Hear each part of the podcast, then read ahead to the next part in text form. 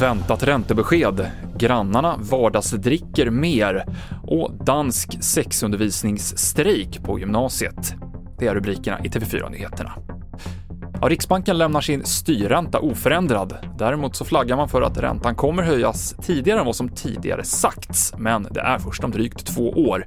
Så här säger sparekonomen Frida Bratt om dagens räntebesked. Det stora spänningsmomentet var just det här, kommer Riksbanken att tidigare lägga en räntehöjning? För det är ju dit vi går. Alltså världens centralbanker med den amerikanska centralbanken i spetsen flaggar ju väldigt tydligt nu för att nu går vi mot högre räntor. Och då var frågan, kommer Riksbanken hålla kvar vid det här att man ska höja först i slutet av 2024? Nu säger man andra halvåret 2024, så det är en liten, liten förändring mot en tidigare höjning då. Men det är inte den här Alltså det finns de som tror att Riksbanken kommer ändra sin ränteprognos väldigt mycket. Att man skulle höja redan i år eller nästa år. Men så långt går man inte, utan det är en liten förändring och en liten tidigare höjning. Mer om reporäntan på tv4.se.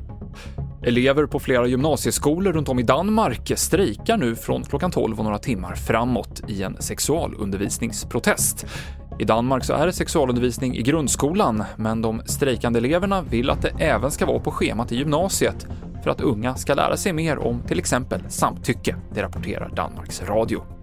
Inställningen till alkohol är mer återhållsam i Sverige jämfört med i våra nordiska grannländer. Det här visar en undersökning gjord av IQ-initiativet som är kopplat till Systembolaget.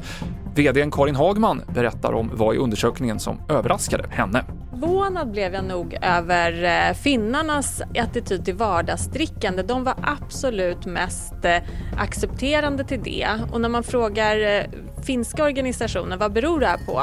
Ja, men då säger de att det har med bastun att göra. Att ofta kommer man hem och man ska basta och då kopplar man samman det med öl och då blir det att man dricker mycket till vardags. Det sa Karin Hagman på IQ-initiativet. Och idag så är eh, första pressträffen om det svenska coronaläget efter att restriktionerna tagits bort.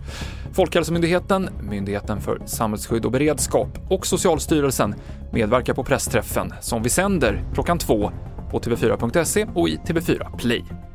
I studion nu, Mikael Klintevall.